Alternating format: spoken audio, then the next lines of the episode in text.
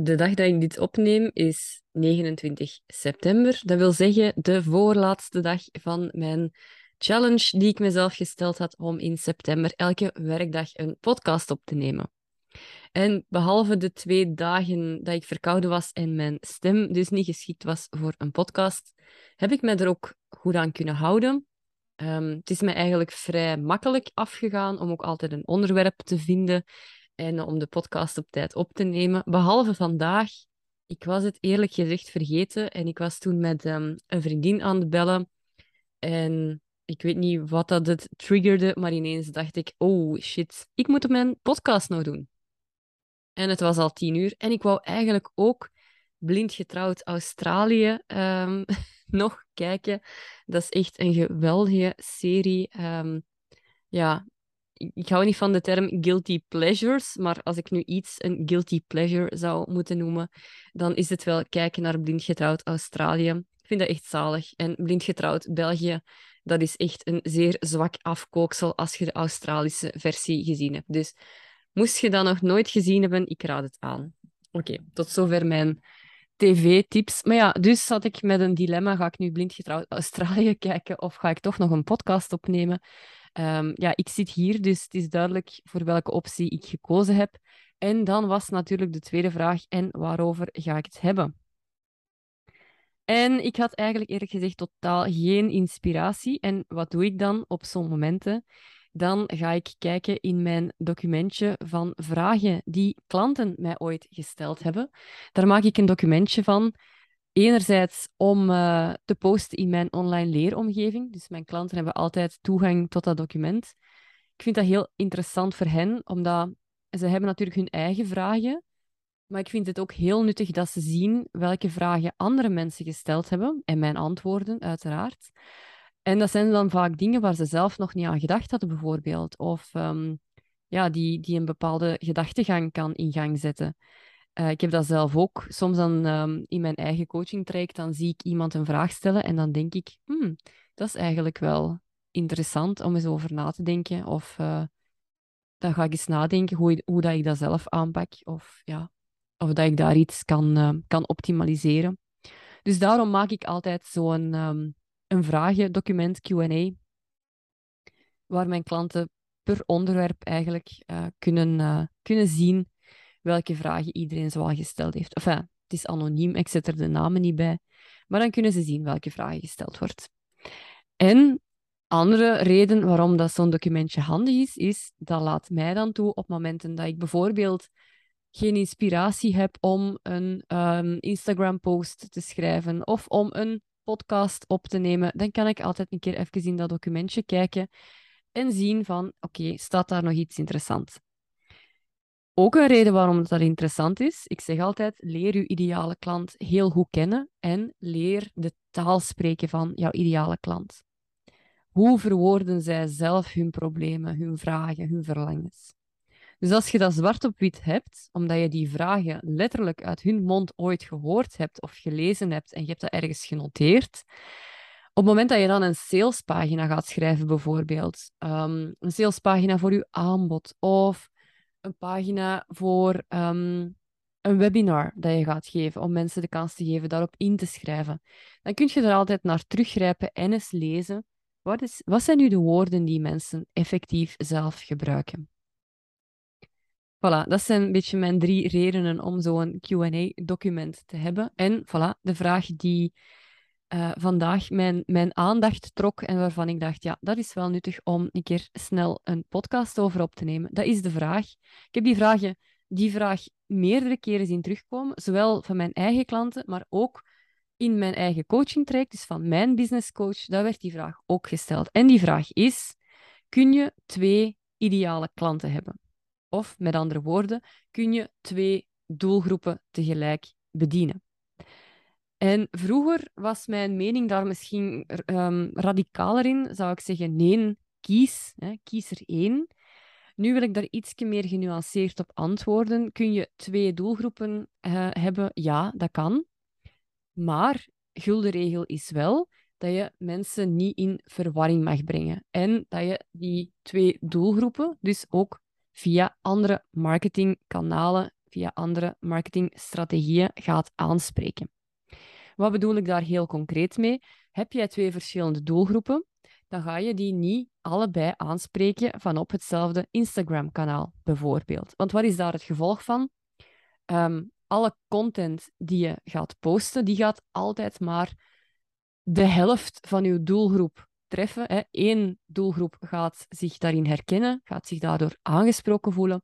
De andere helft, als het 50-50 verdeeld is, de andere helft gaat zich daar niet door aangesproken voelen, gaat niet geïnteresseerd zijn, gaat niet reageren op die berichten, gaat daar niet mee interageren. Um, wat enerzijds slecht is voor het algoritme. Hè. Je post gaat maar voor de helft eigenlijk de interactie oproepen die ze zou kunnen op, zouden kunnen oproepen. En anderzijds, je riskeert dat je mensen in verwarring brengt, dat zij niet meer weten wat dat jij nu eigenlijk doet en voor wie dat je er bent. Dat ze een stuk vertrouwen gaan verliezen, omdat ze jou niet meer als de evidente expert zien voor hun probleem. Want ze zien jou ook praten over zaken die ze niet goed begrijpen. En kans is groot dat ze dan ofwel gaan afhaken omdat het hun allemaal niet meer interesseert, of als ze een aankoop willen doen, dat ze die gaan doen bij iemand die zich wel 100% richt op hen en niet op jou, die uh, ook nog andere doelgroepen bedient. Dus dat is mijn gulden regel. Eén marketingkanaal per doelgroep. If you confuse, you lose. Wat kun je nu wel doen als je zegt, ja, maar ik heb toch echt wel twee doelgroepen. Hè? Bijvoorbeeld Um, ik organiseer, zo heb ik nu toevallig twee mensen gehad uh, in calls de afgelopen week. Ik organiseer um, natuurbelevingen, um, wacht, hoe noem het? Uh, bosbaden, denk ik dat, het, uh, dat ze het allebei noemden. Ik, ik, ik organiseer zo'n sessies voor particulieren. En ik organiseer teambuildings in de natuur voor bedrijven. Dan zeg ik, oké, top. Hou dan bijvoorbeeld je Instagram-kanaal voor de particulieren en ga daar heel specifiek content plaatsen die die particulieren aanspreekt.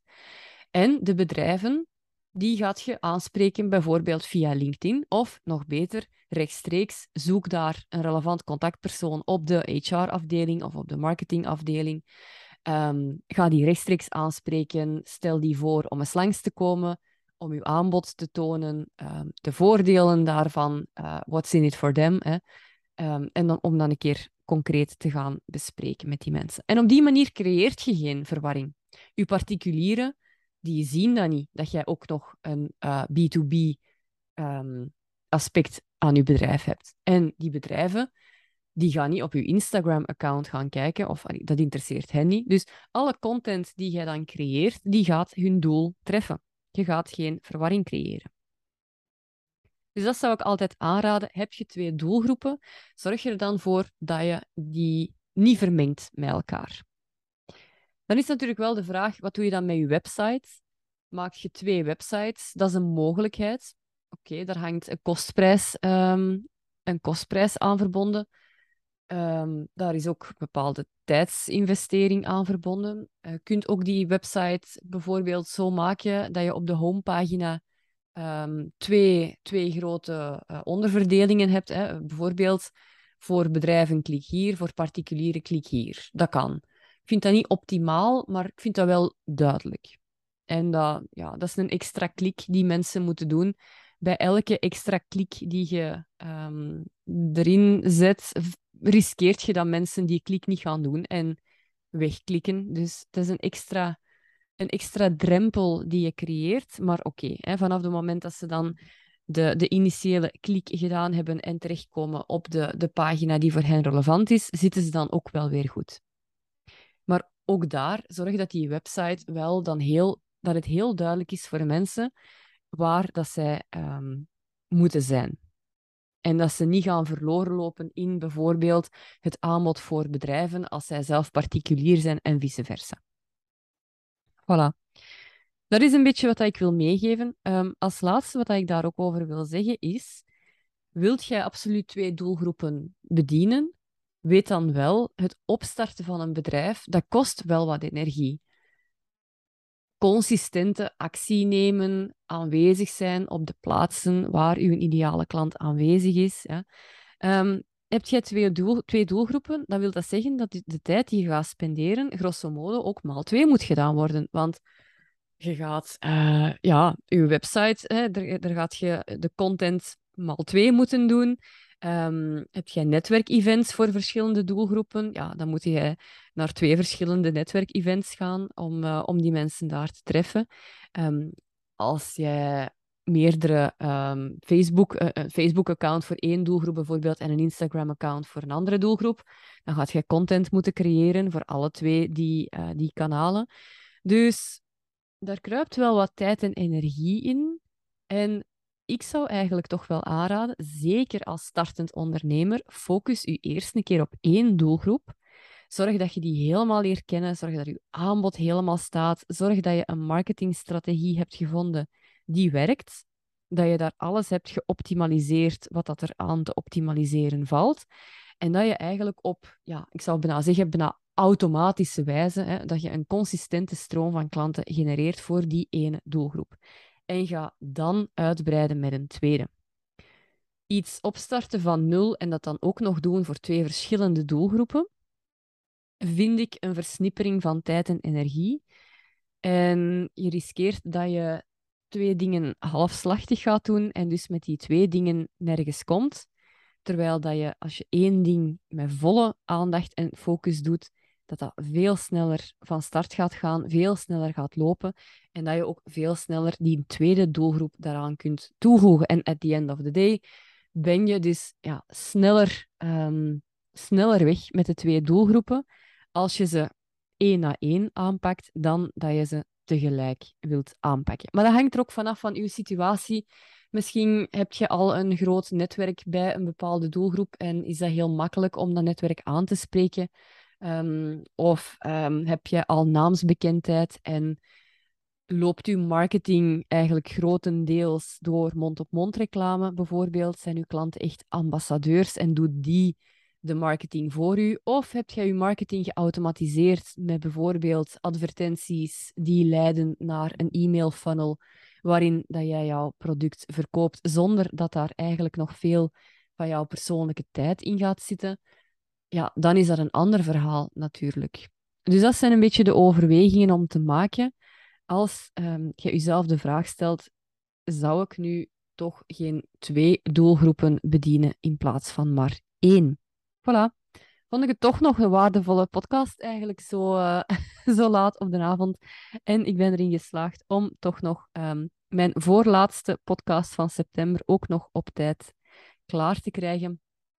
Wil je met mij overleggen over jouw doelgroep, één doelgroep, twee doelgroepen en de manieren waarop dat je die mensen dan het best kunt bereiken, dan kan dat.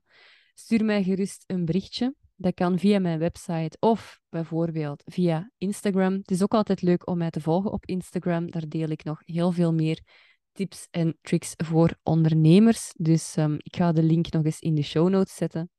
En dan hoor ik jullie morgen heel graag terug voor de laatste podcast van deze septembermaand. Tot morgen.